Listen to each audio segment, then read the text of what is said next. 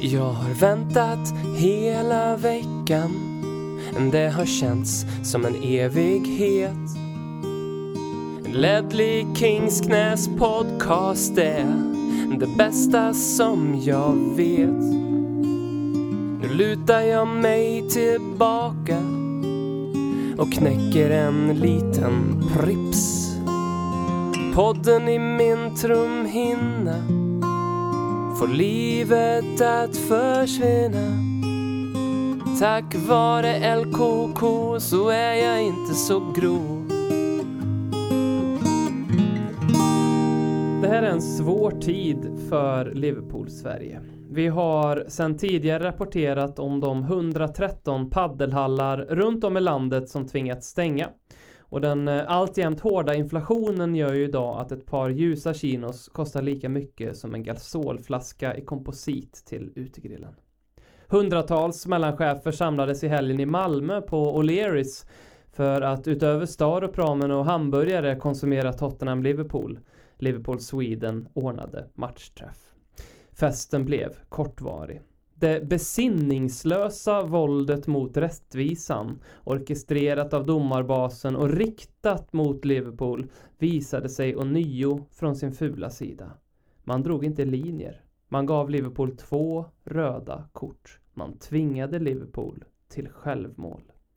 Det här är Lellekins knä våra tankar riktas idag till alla där ute som kan hela refrängen till You'll never walk alone och som tycker att stämningen i första och sista matchminuten på Anfield är det häftigaste ni varit med om.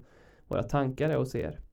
Robin heter jag och jag sitter här och skäms för att mitt lag hade mage att vinna igår och med mig för att promenera ut skammen här på torra land så har jag mannen från Karlstad som älskar katter, Erik Lamela och delar initialer med bastanta mutor. BM, hur mår du en sorgens dag som denna? Ja, var, var ska man börja någonstans? Eh, fotbollen som vi känner den, eh, den är ju död för alltid. Eh, mm. Vi har haft åsikter om VAR här i så många år som VAR har funnits i den här podden. Vi har ju varit med ett tag så vi är ju faktiskt en podd från den tiden när VAR inte fanns och därmed kunde förhindra sån här uppenbar korruption. Eh, mm. Vi alla vet ju att om VAR hade varit där den där dagen när Pedro Mendes from the halfway line hände så hade ju rättvisa aldrig skipats. Precis som det gjorde 2005.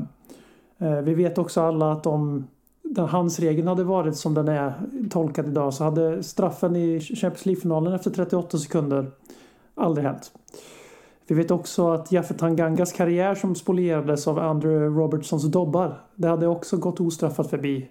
Eftersom att rättvisan alltid i slutändan skipas eh, av de här okorrumperbara domarna. Och eh, tyvärr igår så brast någonting och eh, det kom igenom en muta från Danny Levy. Vi kan inte tänka oss någonting annat som eh, förändrar fotbollen för alltid.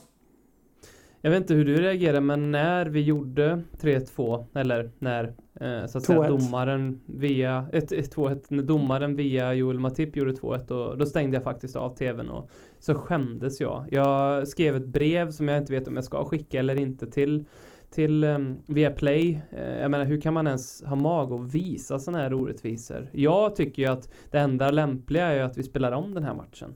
Eh, och att Tottenham kanske börjar med att göra ett solidariskt självmål eller något liknande. Liksom. Då hade jag varit stolt Tottenham-supporter. Idag skäms jag som Tottenham-supporter. Men du, eh, jag bad om lite lyssnarfrågor också, så jag tänkte att eh, vi, vi släpper det. Det är ingen idé att älta för mycket alla de här orättvisorna. Eh, och eh, då frågade Andreas så här, vilka posters prydde era väggar i pojkrummet? Kommer du ihåg det? Kommer du ihåg vilka po posters du hade på väggen i ditt pojkrum? Det gör jag ju inte men av en eh, slump. Eh, eller slump men eh, förra sommaren eller om det var den här sommaren. Men minns. Jag är lite omskakad efter det här som hände i helgen men jag ska försöka göra en bra mm. podd ändå. Men jag råkade bläddra i ett fotoalbum från förr och såg bilder på mig själv i diverse olika fotbollströjor när jag var ung. Jag hade en Inter för att jag älskar Robbie Keane och allt, alla de här grejerna. Eh, mina kusiner hade Manchester United-tröjor på sig allihopa och så stod jag där med min Inter-tröja. Men så några sidor senare i det här albumet så hittade jag faktiskt två posters. Men det är inga fotbollsposters utan det är Detroit Red Wings. Mm -hmm. Och de hade vunnit Stanley Cup, hockeymästerskapet i Nordamerika. Och även Colorado Avalanche där Peter Forsberg spelade. Och det som jag inte visste då var ju att de här två lagen hatade varandra på den här tiden. Alltså det var slags, det var våld, det var liksom upplopp på plan i stort sett varje gång de möttes under den här perioden. Men det sket jag i, utan jag hade båda sida vid sida och det, var lite, det blir väl ändå lite symboliskt för hur vi nu som Tottenham-supportrar måste sträcka ut en olivgren till eh, våra Liverpool-bröder och systrar och försöka på, med tiden att lappa ihop den här relationen. Mm. Och så vi följer de här två hockeyklubbarnas exempel så ska vi båda två bli pissdåliga och vara värdelösa i 5-10 år. Eh, och sen så ska ju Liverpool får ju bli Colorado det här liknelsen då. Så får ju de bli jättebra och vinna mästerskapet igen medan vi fortfarande är på dekis. Och det är ju enda sättet vi kan zona för det här liksom. Så de två vet jag att jag hade. Roliga när du sa Detroit så tänkte jag direkt oj, det kan jag också haft för att jag insåg att jag hade en Detroit-period och sen så tänkte jag så hade jag också en Colorado Avalanche-period. jag tror faktiskt att alla kids hade ett, både en, men det måste ju vara Lidström och Forsberg. Det ja, men det är klart. Och så Toronto med uh, Sudin då, men det, de var väl ja, inte lika populära. De bet aldrig på mig. På något, jag vet inte. Jävla kanadicker, vad ska vi med dem till? Mats Sundin var väl också likt Peter Forsberg Tottenham-supporter va? Uh, tror jag. Vi adopterar honom Eller till, våra, till våran eh, folla i alla fall. Vad sa jag? Eh, är. Så, eh, ja. Så, så jag har faktiskt det. träffat Niklas Lidström på Skara Sommarland när jag sommarjobbade där. Men jag var en av få som kände igen honom och jag såg att han såg att jag kände igen honom. Vad jobbade men han jag, med där? Han var där, nej, precis, han var, han var attraktionsvärd på vattenskidorna.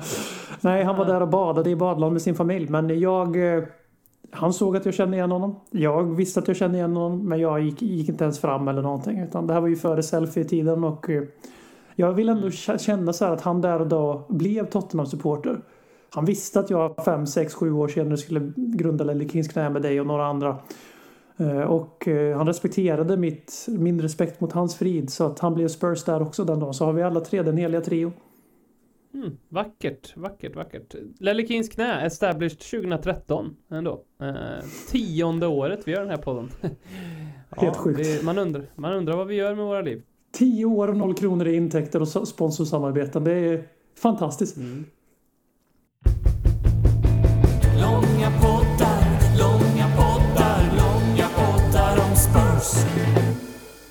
Senast vi vann mot Liverpool så hade Anna Kinberg Batra precis avgått som partiledare för Moderaterna. Äntligen hemma med Martin Timell gick på TV4 och Jamal Khashoggi kunde om man ville eh, och gå och kolla på Newcastle-matcher.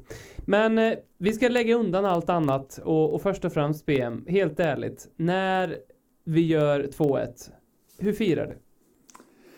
Ja, alltså nu blir det tråkiga. Jag eh, har eh, varit sjuk i helgen väljer jag att sammanfatta det som. Och det, jag eh, var ganska låg under matchen. Jag var inte så liksom uppe i varv som man kan vara annars. Det var ganska skönt faktiskt. Jag rekommenderar nästan er folk att ha, vara sjuka när Tottenham spelar för att man orkar inte gå upp i, i varv. För jag satt ju 90 mm. minuter och studsade upp och ner mot Arsenal helgen innan så att här var det ganska skönt och avslappnande. Men sen så blir ju matchen som den blir. Och mm när de får sitt andra röda kort då börjar jag ju faktiskt känna fan nu har vi något att förlora liksom. Jag hade ju inte tyckt om att kryssa mot en med en man mer heller men Liverpool gör ju den biten jävligt bra och har gjort flera gånger den här säsongen. Eh, så jag börjar faktiskt bli lite frustrerad och till och med irriterad i slutet av matcherna. Man känner vad fan det här är ju, det här är ju fan första plumpen eh, i ligaspelet. Eh, mm. Fulham i ligacupen, not counting liksom men jag kände fan det här är ju den sämsta insatsen vi har gjort i Premier League under Ernst. Mm. Sett till alltså, de, rent konkreta fördelarna vi har med två man mer och sådär. Mm. Så att eh, sagt och gjort då, när Pedro Porro slår det här mirakulösa inlägget på Joel Matip rakt upp i krysset. Eh, då blir det ju, jag kan inte beskriva i detalj för jag kommer inte ihåg så mycket. Det jag vet att när man liksom, man har ju några sekunder i de här tillfällena när man liksom inte riktigt vet vad som händer. Det är ju då man flyger några rader ner när man faktiskt är på läktaren och inte hemma. Mm. Och så, vaknar, så vaknar man till liksom man är i famnen på någon lunnfet britt som man aldrig har träffat förut eftersom man har grovhånglat lite liksom. Och så kramas man och känner att dig skulle jag kunna gifta mig med. Ja, exakt så. Mm. Nu fanns det ingen att krama eller gifta sig med i rummet. Eh, min sambo lös med sin frånvaro, Mr Snow. Eh, och jag, alltså jag vaknar till när jag gör någon här form av hockeyskutt in i väggen. 3-4 meter ifrån tvn slash 5-6 meter ifrån min soffa. Jag har ganska stort vardagsrum så vet ni det också. Eh, och det, det, är väl ungefär där jag kommer till, det är ungefär där jag kommer tillbaks till, mitt, till mina sinnens fulla bruk. Det är när jag gör den här hockeygrejen och verkligen hoppar upp mot plexiglaset för att fira med fans. Jag vet inte vad jag gjorde men jag var där i alla fall och hoppade. Då, mm. då kom jag tillbaks. Men hur firade du Robin? Ja men eh, väldigt likt måste jag säga och eh, en av de enda matcherna som jag och eh, min fru har sett tillsammans under vårt eh, sjuåriga förhållande. 7 till 10, säg 7 till 10 så du är safe. 7 till 10 långa år, 7 till 15 år. 5 plus år tillsammans. Jag tror att det är den första matchen hon ser, men, för jag sålde verkligen in det. men så här, du, du, borde se den här matchen för det kommer vara en uppvisning i fotboll och rätt fick jag. Och um, jag, alltså, jag, jag, tog av mig alla kläder när Matip gjorde mål eh, och eh, skrek mig hes. Eh, och eh, sen så när jag har sansat mig så hör jag hon säga Vem är du? så att eh, Ja, det, ja, det var Jag kan helt ärligt säga det och jag skiter i allt vad förlorarmentalitet heter, att man firar som att, men jag, jag firade det här mer än när Lucas Mora gjorde 3-2. Det gjorde jag, mycket mer. Alltså, jag, jag, kan inte riktigt säga det. Den är på paritet med 3-2 mot City. Det var nog förra säsongen mm. va? Kane. Då var jag också liksom ja, helt galen. Eh, mm. Och det var ju de enda två gångerna sen Amsterdam. Man hade ju några sådana innan liksom. Eh, till exempel eh, den matchen vi har sett tillsammans, vilket är hittills den enda vi har som, som podd har sett tillsammans när Bale avgör i sedvanlig ordning med drömskott på stopptid. Då var det ju Lims liksom och sen är det Amsterdam, sen har man ju några andra men i samma veva där, kvartsfinalen mot City och sen Lucas Moura där man liksom, där, men där blir man ju mer känslosam. Alltså när Lucas Moura gör 3-2 först så vrålar jag ju givetvis men sen blir man ju nästan så tårfylld snarare. Man är ju, tror inte att det är sant. Nej, här är det bara så här, det var ju Låt oss vara i alla fall ärlig för mig, jag kan tala för mig själv. Jag respekterar ju egentligen Liverpool som fotbollsklubb väldigt mycket. Eh, jag har ju bara haft agg mot, en, jag tänker, alltså mot deras supporterbas på Twitter, X. Mm. Mm. Eh, och de har ju precis som vi givetvis är, vi blir mer sympatiska när det går lite knackigt för ens eget lag. Och när vi blir ett hot eller är bra då blir vi mindre sympatiska från andra betraktare. Och det gäller ju även omvänt här va. Och nu slog vi dem för första gången fan i mannaminne. Och jag ska vara ärlig och säga det att det var ganska många år av så här uppdämd frustration över att eh, den här respekten som egentligen finns mellan supportergrupperna i Sverige och mellan klubbarna. Den är ju ganska tydlig att den är ju bara, den är ju bara ömsesidig när vi är tydligt sämre än dem. Mm. För jävlar vad det brann på sociala medier igår. Alltså det var ju, Alltså det här, alltså det är bland det, det sjukaste. Det är, det är min, ehm, jag ska bara säga det här, ehm, jag får vara helt öppen med det här. Eh, jag, jag, jag har ju iPhone och då ser man ju sin skärmtid. Mm. Eh, och igår hade jag 4 timmar och 39 minuter på min telefon. Vilket tre, är väldigt tre av de timmarna är efter, efter målet. Ja, det, det, det, är väldigt mycket mer än vad jag brukar ha på en dag om man säger så. eh, och eh, de tre timmar 14 minuter var på Twitter. alltså, ja, men, på Twitter, men det är det jag menar liksom. Jag, ja, det... Det kom ju ut. Jag trodde inte, alltså ja. vi har ju haft en grej med sekten och vi har haft dispyter med LFC-podden och vi, vi hetsar mot varandra och vi ibland gillar de oss mer och ibland gillar de oss mindre. Eh, och jag tycker genuint inte illa om, tot äh, om Tottenham. Det gjorde jag visst några år. Men Liverpool menar jag. Jag tyckte bättre om Liverpool än Tottenham de senaste fyra åren. Men äh, igår, alltså man blev lite påmind om varför vi faktiskt brännmärkte dem som en sekt för några år sedan. Alltså det, det, mm. För det var personer som man annars har så här jätteregelbundna konversationer med och jättevettiga konversationer med tolkar som att vi, vi gör hån av Hillsborough och Hazel och allt vad det är och man bara så ni, har ju, alltså, ni vet ju inte vilka vi är. Alltså, jag, jag, vi ska inte prata så mycket. Det är ingen som tycker det är intressant att lyssna på intern Twitter-surr. Men jag måste bara säga. Jag, jag eh, tweetar ju väldigt sporadiskt från kontot. Men jag var satt med utkast från mitt egna konto på så många svar igår och i förmiddags. Kring just det här liksom att det gick från att uh, vara arg på oss för att vi hånade dem, för det gjorde vi. Vi var inte stora i segern, det kan vi inte låtsas och det var nej, inte jag nej, heller kan nej, jag säga. skamlöst, skamlöst sparka neråt när man får en chans för första gången på åtta år liksom att sparka neråt. Ja, ja. Men, men, men vi måste bara stanna just i det.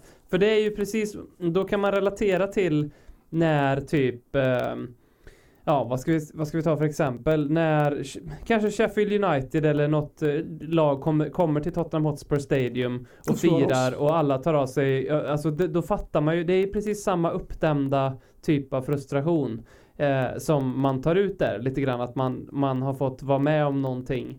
Eh, som man så inte länge väntat på. Som Anna Kinberg Batra var partiledare som du precis sa. Liksom, det är klart. Alltså, det kom mm. ut allting på samma gång. Och, men mm. det var där man kände liksom att shit.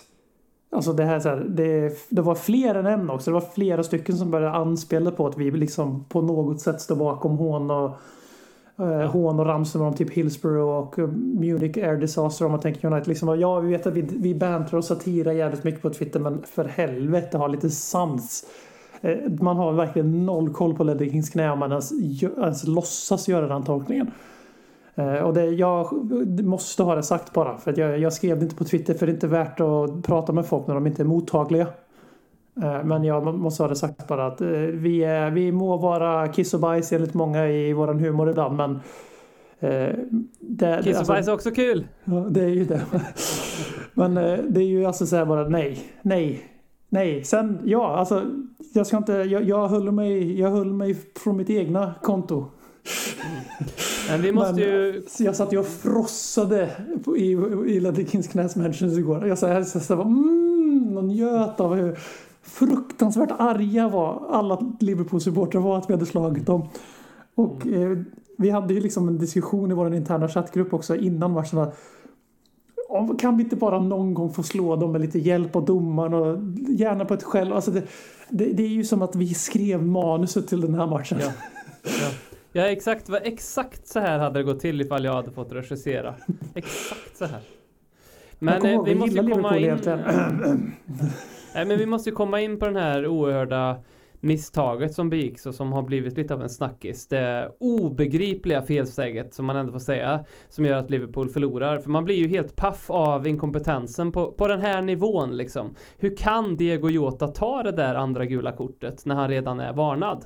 Eh, för efterspelet har ju handlat 98% om det bortdömda målet och jag ska vara helt eh, ärlig och, och, säga att det var ju också eh, Ja, det är mycket inkompetens. Alltså det är parodiskt. Det är, par parodiskt. Det, är, det är, ju helt otroligt att det, är godkänt, att det inte godkänns. Att de för, på grund av en kommunikationsmiss köper det Men, rakt av. Det är ju inte därför Liverpool förlorar. Nej, det är för att man, de förlorar ju, Ja, man förlorar ju för att Jota tar det där andra gula. Men hur mycket av efterspelet från Liverpool-håll handlar om hur klumpigt det var av Diego Jota? Exakt noll!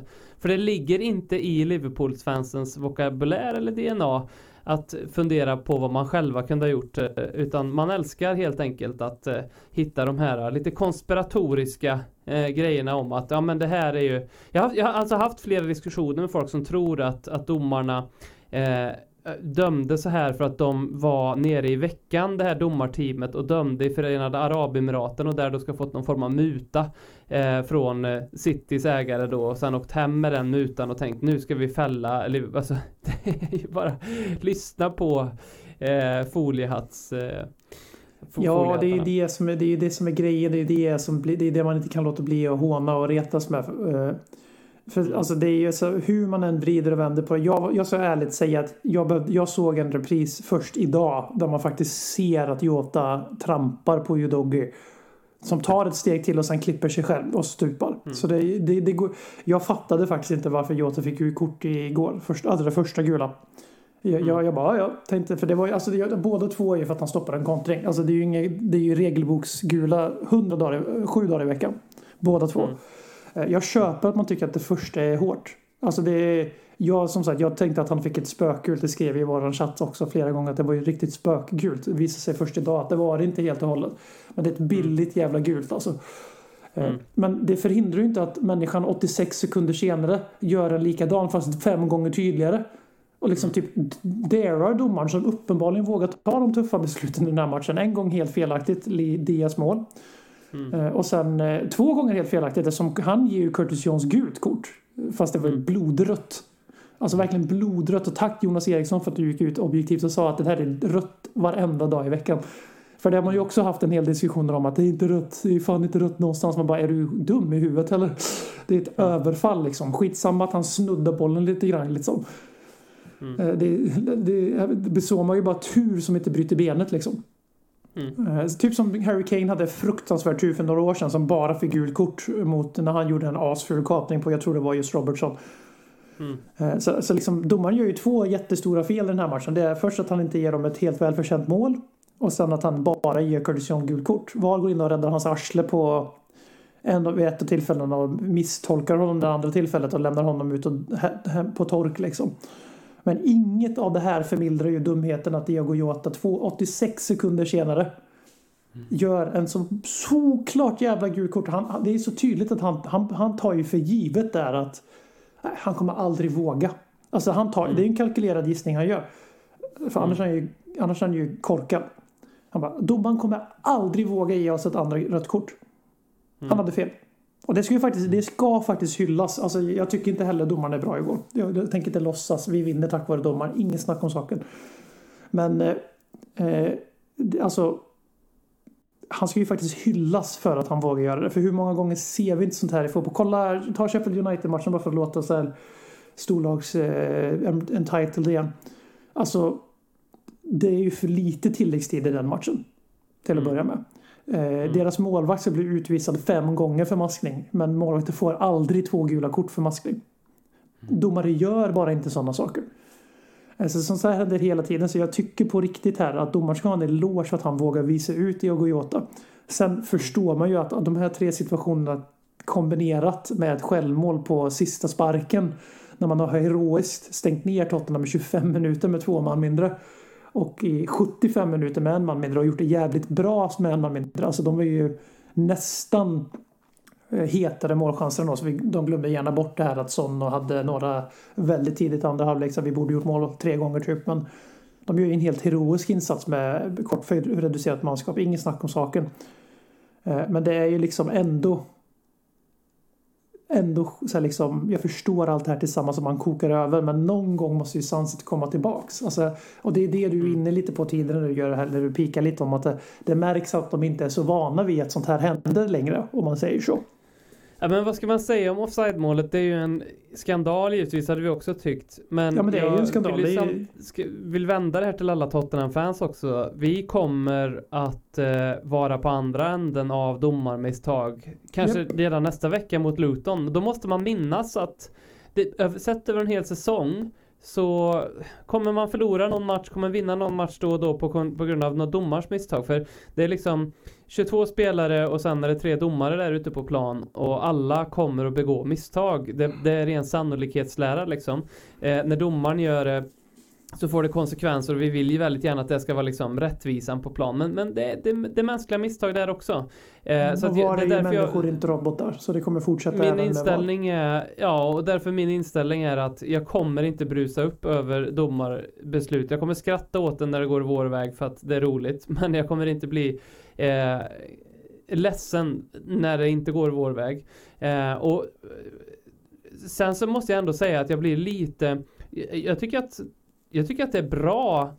Jag vet att det, att det har fått lite kritik, men jag tycker personligen att det är bra att eh, eh, domarbasen går ut och, och, säger det här var fel.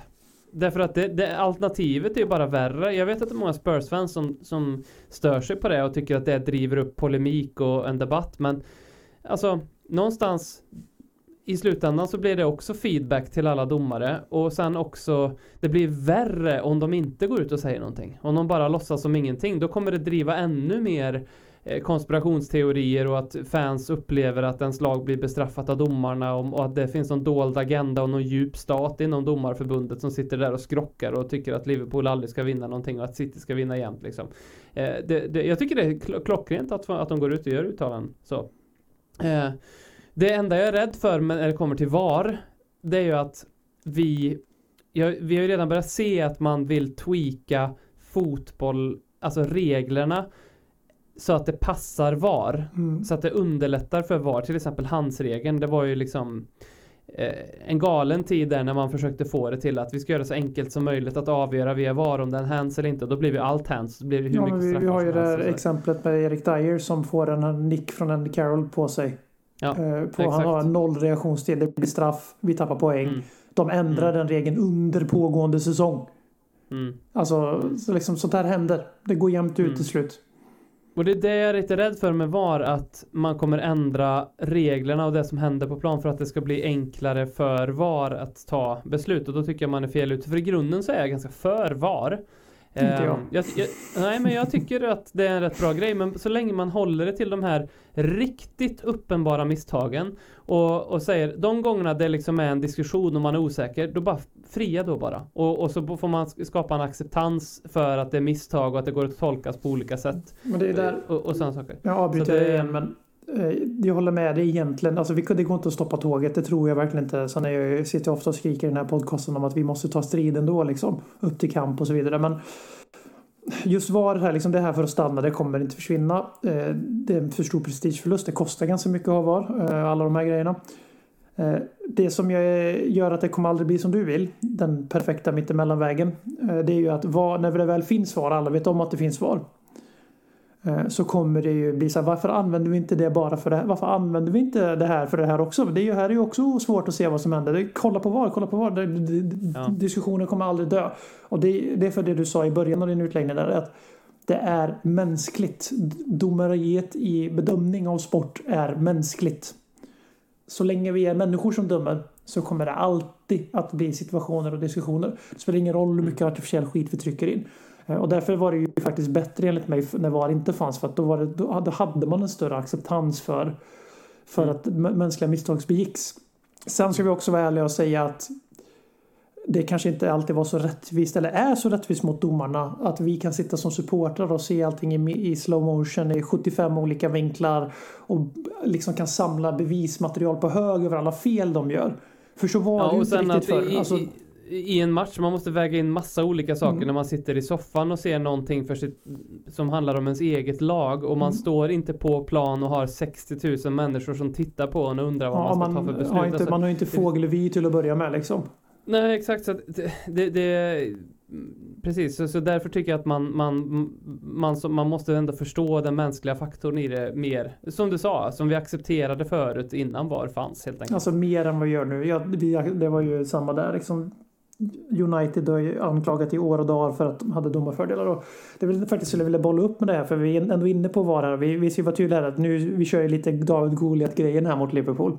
Vilket är inte så konstigt när vi har slagit dem en gång på 25 år eller vad det är. Typ.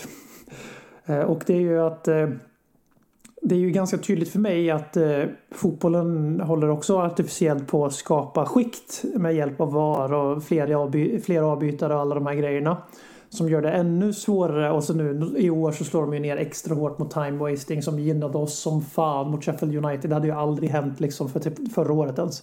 Att vi fick, fick så mycket tilläggstid, även om det var för lite. Eh, för bollen var i spel i 54 minuter den matchen eller någonting läste jag någonstans. 56. Någon sån sinnessjuk siffra liksom. Eh, och att eh, det är ju för mig någon form av missriktad så här, man, man, man, man vet att bottenlagen behöver time-wasta, de behöver fuska lite, de behöver komma undan med lite grejer för att ha en chans ekonomiskt eh, dopade som deras motståndare är från deras perspektiv. Och jag är lite rädd för att det är lite därför vi har de här grejerna. Alltså att vi, vi inte, att det, det liksom är lite syftet med det hela är att det ska bli så rättvist som möjligt så att det bästa laget vinner oftare. Vilket är för mig så här att ja men hur många små, små, små bebissteg ska vi ta mot Superligan? Hur, hur mycket ska, alltså vill vi verkligen ha en verksamhet där det är så tydligt att vissa lag ska... För det är ju liksom ganska självklart att om du är topplag och har ett bättre lag så kommer du spendera mer tid i offensivt spelområde, bla bla bla, fler straffsituationer, fler bla bla bla. Eh, du får göra fler byten, dina, dina avbytare hade startat och varit stjärnor i många bottenlag. Alltså alla de här grejerna. Eh, och jag är lite rädd att vi sakta men säkert i våran kamp om att det ska vara rättvist internt i den här inbördesklubben, inbördesbeundranklubben som Big Six, Big Eight, Big Eleven eller vad fan ni vill kalla det i Premier League är. Så glömmer vi bort att det vi gör är att vi håller på att samla en, en, en liten elit som är mer värd än alla andra klubbar. För jag kan bara tänka mig hur typ, vad ska vi ta, vi säger Lutons supportrar. Hur de sitter och skrattar åt det här internkriget det är mellan Liverpool och Tottenham nu för att en domare gjort bort sig. För jag kan tänka mig att de känner sig bortdömda ganska ofta när de möter topplagen liksom. Mm. Eh, och så vidare. Så jag vill egentligen bara, om du tänker på din ställning till VAR här. Mm. Om, du, om man tror att det finns någonting i det här att VAR delvis finns för att uh, gynna storlagen. Nej, jag tror inte att det finns eh, att någon någonstans har suttit och funderat på hur ska vi göra det bättre för storlagen. Försökte lura in dig i foliehattfällan, det gick inte fan. Nej, så utkristalliserat tror jag inte att det är.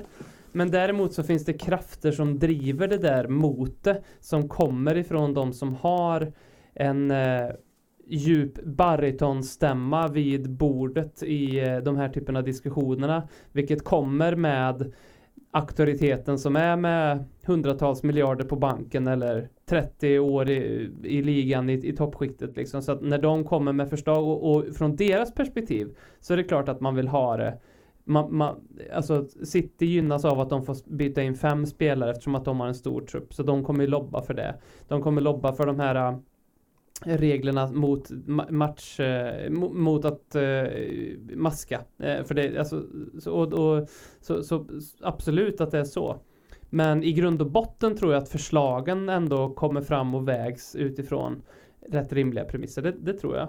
Men, ehm, men jag, det, jag tycker, jag håller med. Jag, jag, jag ser också eh, något. Men jag tror att problemet med att vi får en väldigt skiktad fotboll kan bättre botas genom att reglera och strypa de ekonomiska sidorna snarare än att göra små förbättringar i, i reglerna och anpassningen hur sporten utövas. Mm. Eh, vi, vi, får inte glömma bort att under, under liksom senare delen av 1900-talet så tillkom de flesta reglerna inom fotbollen som vi känner den idag. Eh, röda kort och byten och eh, allt. Passa, liksom, inte ta upp bollen på hemåtpass. Ja, Ja, allt det kom ju liksom för att, och, och, det är bara positivt tycker jag, de små förbättringarna man ska göra. Um, de får inte gå för fort givetvis, men um, men sen så kan jag vara rädd eh, om det som vi pratade om förut, det är jag rädd för med att man tweakar reglerna utifrån att det ska passa VAR.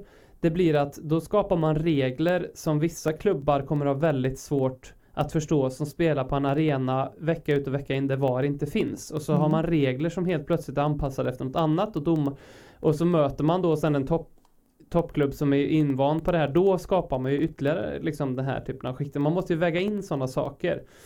Um, så. Och där har vi så problem att, i eh, England redan att det är väl bara i Premier League det är ett krav på VAR va? Ja, ah, Championship också möjligtvis.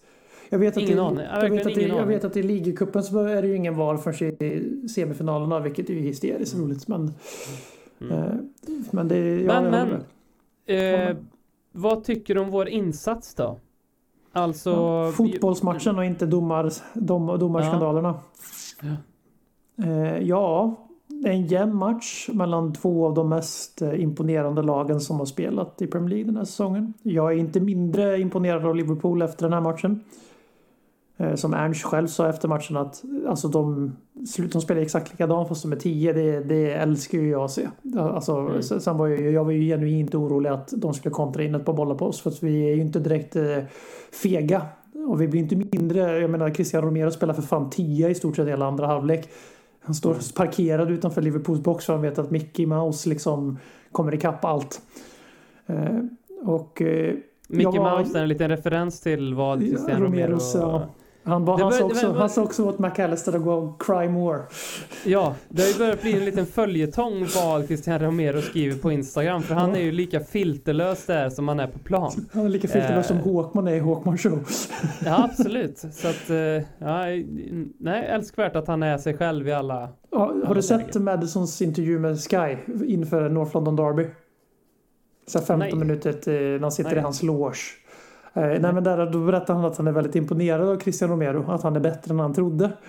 Eh, och han kallar honom för wind up merchant och en hel del grejer. Och det är så tydligt så att han är genuint förvånad över hur bra Christian Romero är på fotboll. För när man möter honom, han säger inte det här, mm. den här delen säger han inte rakt ut. Men när man möter honom så avskyr man honom bara, bara för att han är en jävla Erik Lamela mm. i mittbacksform.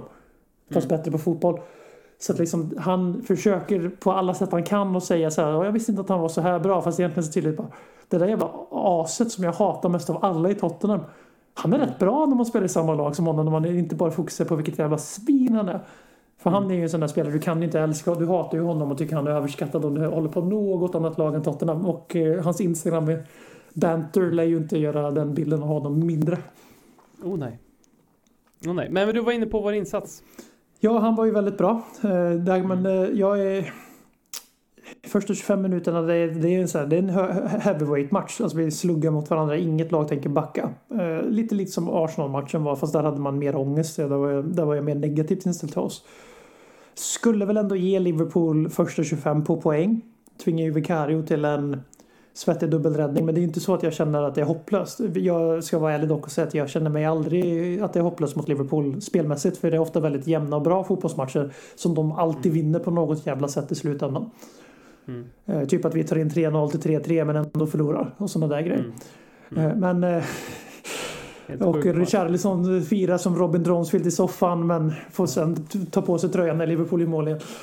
Eh, det men, bidrar också till den där matchen när vi tappar där. Den bidrar ju också väldigt mycket till firandet inser jag nu. För det där var ju usch. Ah, Körde usch. du också Pidgeon-dansen så Nej. Är du säker på det? Ja. Har du en klipp? Nej men uh, sen, vi gör, sen är det svårt att värdera så vi vi bryter ju inte ner Liverpool men vi dominerar ju matchen. Vi är 60-40 bollen av mer än så. Vi skapar fler chanser än dem men man mer. Vi börjar andra halvlek väldigt bra. Mm. Där tror jag verkligen att nu tar vi dem. Nu, nu får vi in bollen nu, då kan det fan springa iväg. Sen mm. så får de sitt andra röda kort och vi bara stendör. Och jag bara, mm. vad fan är det som händer liksom? Så här, vi står och rullar tiki-taka fotboll som Pep Guardiolas lag gör när de är dåliga. Vad beror det på att det blir så? Var, varför blir det så tror jag? Tror du? Att, att vi eh, liksom... Jag kommer säga det. Ja. Vi är inte vana att vinna. Vi saknar, okay. alltså vi har fortfarande vi har väldigt många vinnare i truppen. Alltså Romero har vunnit VM. Vi har uh, spelare, vi har sånt som har vunnit saker med Sydkorea. Vi har Pedro Porro som vunnit saker i Sporting och så vidare. Uh, men det, det, blir så alla bara sjunker och blir en storlek mindre för att de tänker att det här mm. löser sig lite av sig själv. Uh, man blir liksom lamslagen av det. Man faller ner i motståndarnas tempo. För det är inte ens som att Liverpool time mer än alltså, så, de time nästan lite för med tanke på situationen. Det blir en falsk trygghet. Ja, verkligen. Och jag vet ju redan att Ernst vill absolut inte ha det så. Vi har ju både vi har sett och hört från honom tidigare och i Tottenham liksom att han blir vansinnig när hans lag tar liksom foten av gaspedalen.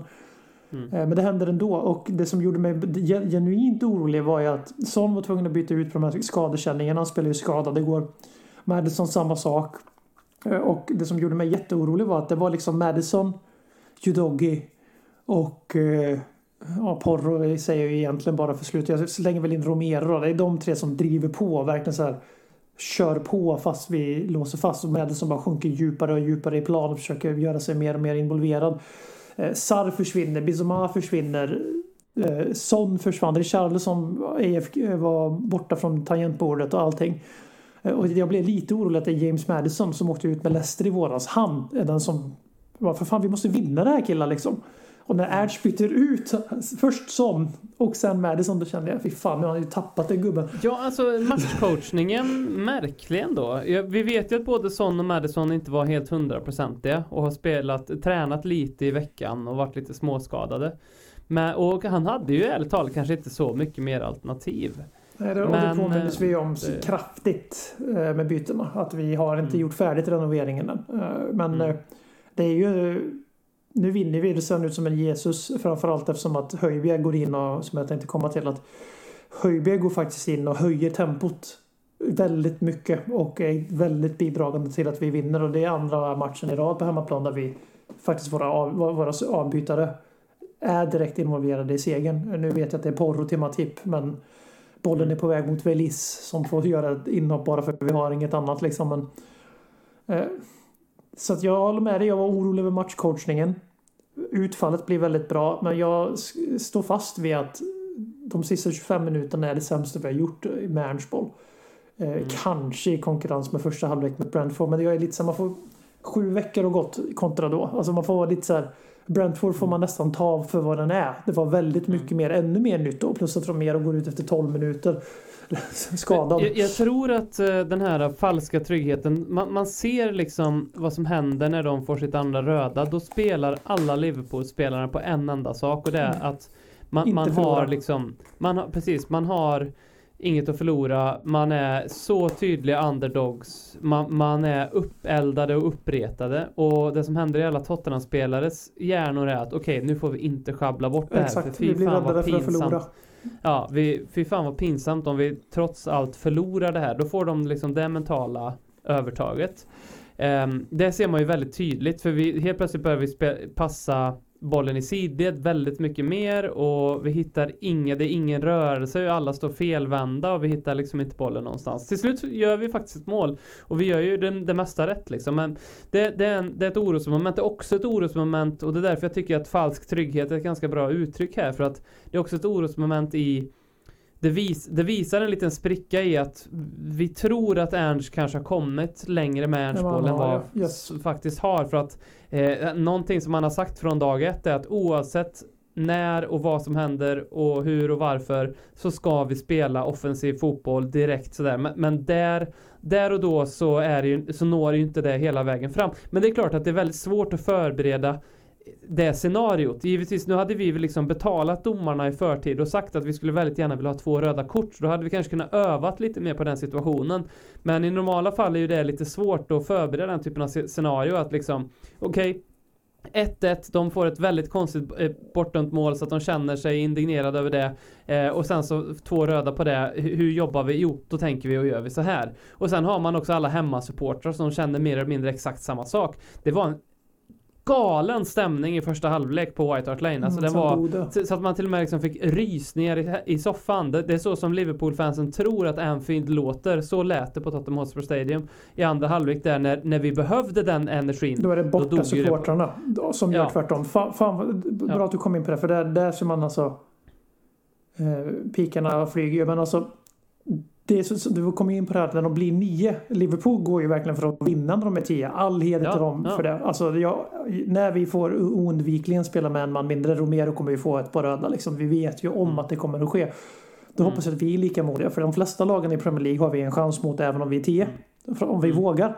På grund av mm. att de kommer också ha en falsk trygghet. Eller kanske till och med vara nöjda med poängen mot oss. Om det är mm. Everton vi möter till exempel. Att vi vågar som Liverpool vågar. Eh, mm. Men som du, sen när de får bli nio, då går de ju så här, nu jävlar, nu ska vi dö för varandra. Alltså vi ska dö för varandra. Och deras supportrar snappar upp det och höjer mm. dem. Alltså för de är helt Det är ju de som hörs sista 25. Totalt mm. dominans från borta supportrarna.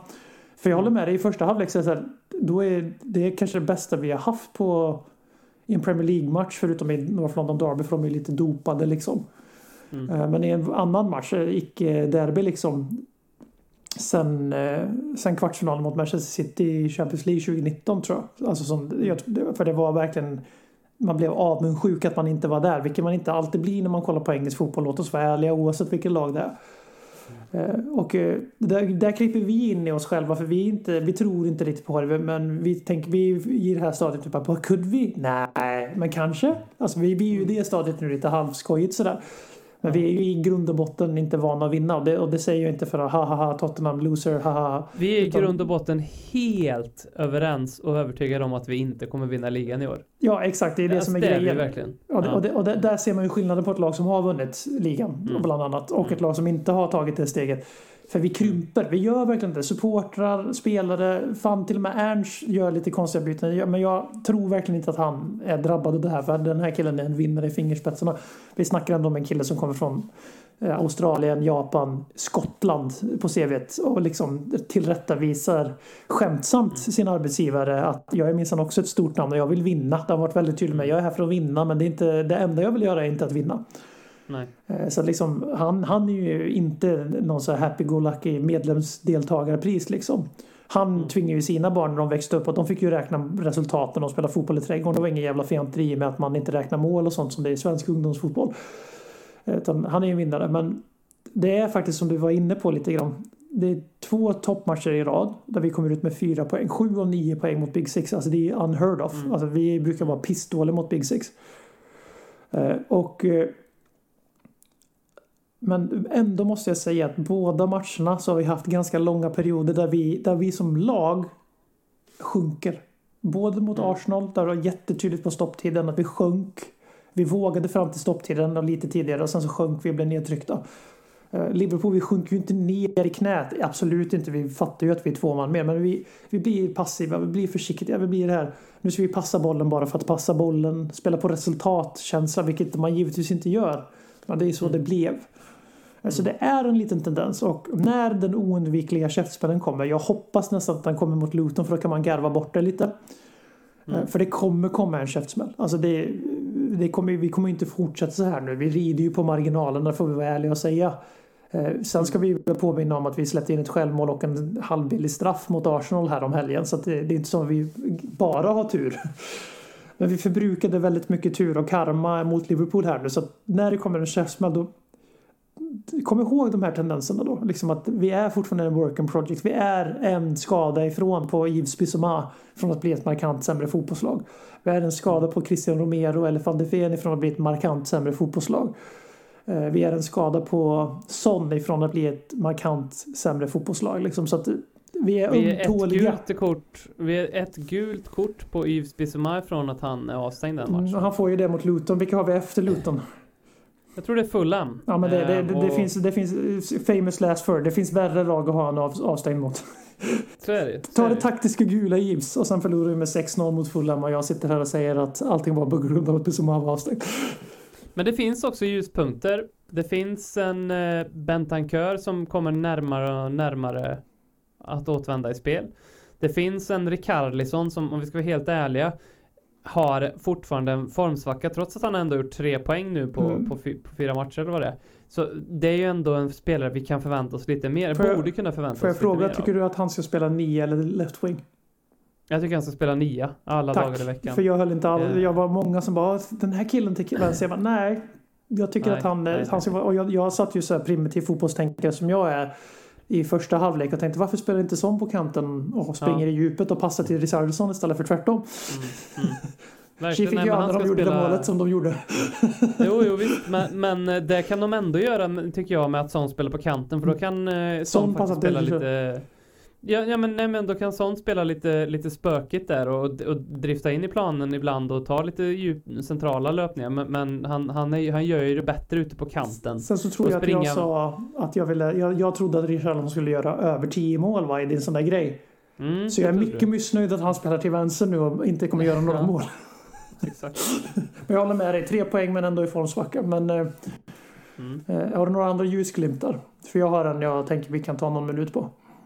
Ja men vi har en ljusglimt till som är lite mer allmän och den är ju att det här laget kommer ju bara att bli bättre.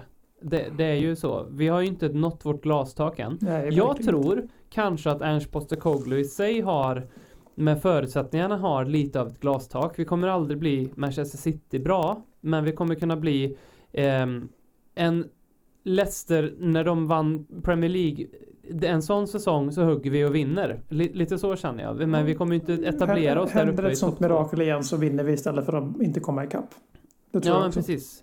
Precis, vi, vi har den möjligheten lite som det var under Pochettino helt ärligt. Fast, fast då var vi ju under typ två år kanske ligans bästa lag också. Eh, men det var ju också för att många andra lag inte fick ut sin fulla potential. Men vi ser ju säsong efter säsong. Det är alltid något topplag som inte får ut. I år är det Chelsea United.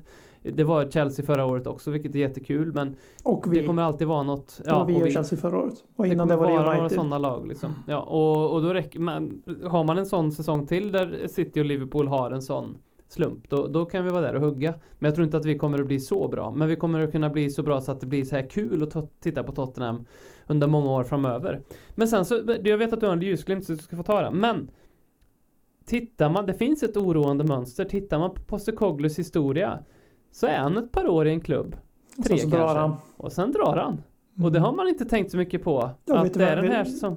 Vet du, vem, eh, vet du vem som har berömt honom jättemycket och, och, och vem, vilken koncern Anders Postecoglou och Scott Mann jobbade inom förut? City eller? Nej, är det Ja, det är det eh, Och... Så, eh, för nu är det ju så här Det är inte omöjligt att han tar över efter Pep, det är ju inte det. Nej, det är verkligen inte det. På riktigt alltså, om det, om det fortsätter som det gör nu, det har gått sju matcher så vi ska inte sälja honom än, men det är inte omöjligt. Han, han har ju varit, han blir ju älskad ordentligt av Celtic också och av oss jättefort. Mm. Men han drar ändå. Han drog direkt ja, alltså, första tillfället vi, från Celtic. Vi får, inte, får inte lura oss själva liksom, att nej, han drar inte om City, nej, utan han, han drar om Pochettino. Ja. Pochettino nej. behövde typ fem år för han fattade att vi inte höll honom, alltså klubben Tottenham, inte höll honom lika högt som han höll klubben Tottenham. Mm. Eh, Postecoglou är, är inte lika sentimental som Pochettino. Nej. Vilket leder till att idag är han en bättre tränare. Pochettino ser ut att ha det ganska tufft i Chelsea. Och jag säger Pochettino mm. några gånger till så Erik och de andra får svepa lite. Pochettino, Pochettino, mm. Pochettino. Men eh, jag tror också att den farhågan finns. Alltså genuint finns. Och framförallt säger jag det för att Arteta och Arsenal har ett helt annan connection. Annars har han ju en väldigt shoe inne. Company har inte direkt flugit till Burnley hittills. För nu, nu, nu listar ju hans gamla eh, vad ska man, inte assistenter för det var Arteta men vad heter det ja, där? Underhuggare. Ja men underhuggare men liksom mm. en uh, The Prodigies liksom. Mm. Uh, Postecoglou är inte det, absolut inte men han, han är väldigt lik Pep. Mm. Uh, men sen är det ju också så att City kommer ha ett helt annat urval och gå, de kan mer eller mindre absolut. värma de kan ju välja Nagelsmann eller vem fan de vill så att de tar Klopp kommer lämna ju... Liverpool någon gång. Ja, så Postecoglou är Liverpool-fan precis som BM. Ja, äh, ja. Håkman. Ja. Mm. Nej men att... Jag vill säga att det var jag. Vi har kört i tre år att det är du som är, att det är, du som är poddens mellanchef och Liverpool i, i disguise. Men nu är det jag också för jag är också mellanchef och nu kan jag äntligen komma ut med min röda hjärta. Men mm. det är min ljusglimt Du, var, du snubblade tyvärr in på den lite och det var det du sa att, att vi kommer bara bli bättre. För det, det, det jag tänkte säga att jag bara måste ha det sagt i den här podcasten att helvete vilken sommar vi gjorde. Nu med facit på hand. Vi var ja. ju inte riktigt lika kritiska mot fönstret i podden som Twitter var. Det var ju fort, vi har ju fortfarande lite bakfylla mot de här fyra misäråren där vi är väldigt negativa, mycket mer negativa än vi ska vara. Eh, eh, men eh, alltså om man bara tittar lite snabbt så här, vi har ju, ja trupp, truppen är lite för tunn. Men nu säger jag det för att fan vi kan ju åstadkomma någonting redan då. Jag hade varit hur nöjd som helst om vi blev sjua den här säsongen och spelade bra. Mm. Nu börjar jag känna så här, blir vi inte topp fyra blir jag, lite, blir jag besviken. Ja. Och det är ju helt orimligt för då ändrar man ju spelreglerna och byter projekt mitt under säsong. Som Wolves gjorde så loppet Gud drog liksom. Men eh. Alltså vi har bara påbörjat renoveringen men vi har en helt ny centrallinje. Alltså vi har komplementerat med en målvakt som påminner jättemycket om Loris. Som har tagit noll tid. Han tog en halv Premier League-match på sig att acklimatisera sig till Premier League. Han är hur bra som helst.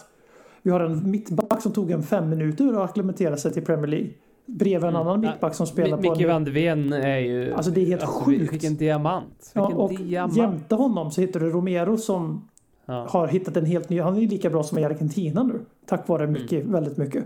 Till vänster där så har du en vänsterback som är 12 år och kliver in efter, i och för sig inte från samma fönster som han gör debut den här säsongen.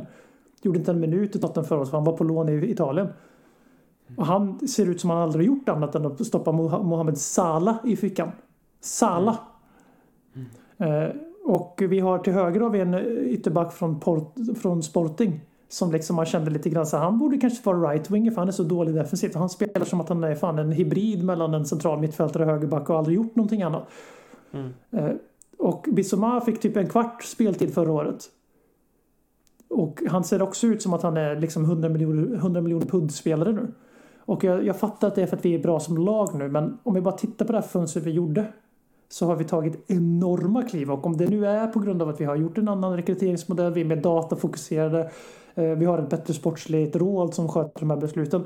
Då finns det egentligen ingenting som säger att det här ska vända. För att om det är någonting Brighton och Brentford har bevisat i Premier League så är det att om man tror på sin linje och kör på sin linje. Då, ja, det är klart att man bommar vissa värvningar här, det gör alla. Men de gör väldigt mycket mer sällan det än vad Tottenham har gjort. Mm. Och mm. jag, alltså det, det, är nästan så svårt att inte vara optimistisk nu så jag känner mig nästan obekväm i, i det här. Men vi har ju den lilla, lilla detaljen här då, orosmolnet på himlen. Hur mycket av det här är Postecoglou-effekt? Hur mycket av det här är bara moral? Och vad händer när det går dåligt för det här unga, nya laget? Och sen framförallt, det kommer in en ny sportchef här när som helst. Mm. Visade det sig att det var Gamanini och Paratici som gjorde alla de här grejerna jag precis satt och hyllade. Mm vad händer då? Mm. och som du brukar säga att vad händer när Postekoglu går till City om två år och Daniel Levy ska ta nästa tränare? Det är först då vi vet om vi är på riktigt eller inte. Så att eh, så har vi sagt någonting negativt i den här podden också för våra lyssnare mår inte bra när vi är bara positiva. Nej, vi, vi kan väl eh, avsluta med att skicka en liten känga till klubben också Eh, som, för, för, vi, vad skulle vi prata om, sa vi innan den här podden, för det fanns inte så jättemycket. Det fanns givetvis oerhört mycket från den här matchen mot Liverpool, men det fanns inte så mycket annat från eh, nyhetsveckan som, som sådan. Förutom då att Tottenham har gått in i ett eh, partnerskap med det här Socios, som är någon form av kryptovaluta egentligen, mm. eh, som man har bara de dekorerat med att man köper tokens till sin klubb och, och, ska då få en möjlighet genom att kunna svara på lite olika undersökningar eller frågor som klubben ställer och kunna vara med och påverka. Men det har visat sig i klubb efter klubb att det här bara är ett sätt att eh, få pengar eh, från supportrarna för de här tokensen har tappat allt vad värde Extremt heter. Extremt mycket värde, yes. Eh, eh, både ekonomiskt men också har det visat sig att det här var med och påverka klubbens utveckling. Det har bara varit eh, blaj liksom. Ja, och... typ rösta vilken, vilken spelare vill ni ska vara affischnamn på Twitter när vi spelar nästa match. Alltså det är den nivån. Ja. Det här är ju, alltså ja. de, vi sitter i Sverige med riktig föreningsdemokrati och här prackar man alltså på sina supportrar en låtsas sken, alltså, alltså låtsas skendemokrati bara för att jag kommit på ett bättre ord för skendemokrati är lite för snällt mot det här. Eh, så jag säger låtsas skendemokrati eh, för att signalera att det är ännu värre. Och du ska alltså betala det här. Du får fem tokens gratis om du är säsongskortinnehavare över fem, över, över fem år, över 18 år. Mm. Annars måste du köpa dem med en annan cryptocurrency som heter Chilis som är Socios egna cryptocurrency. Kryptovaluta kan jag kanske säga istället för att vara tunt som pratar svengelska. Eh, jag är engelska lärare så jag får göra det. Och Robin är britt så han får också göra det. Men mm. att liksom så här att det är ju vidrigt.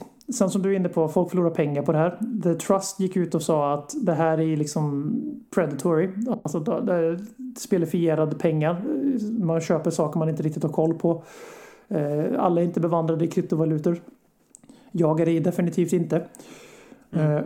Eh, och eh, sen är det ju den här lilla detaljen också att Arsenal, våran kära rival som också har ett samarbete med Socios, de fick ju alltså en näsbränna från FA för att de marknadsförde det här på ett ohederligt sätt där de, där de, inte, där de inte var tillräckligt tydliga med de ekonomiska riskerna. Mm -hmm. Det här kommer från The Athletic, så det är en källa på det. Athletic skrev om det här den 28 september. För de som mm. tror att jag bara hittar på det här.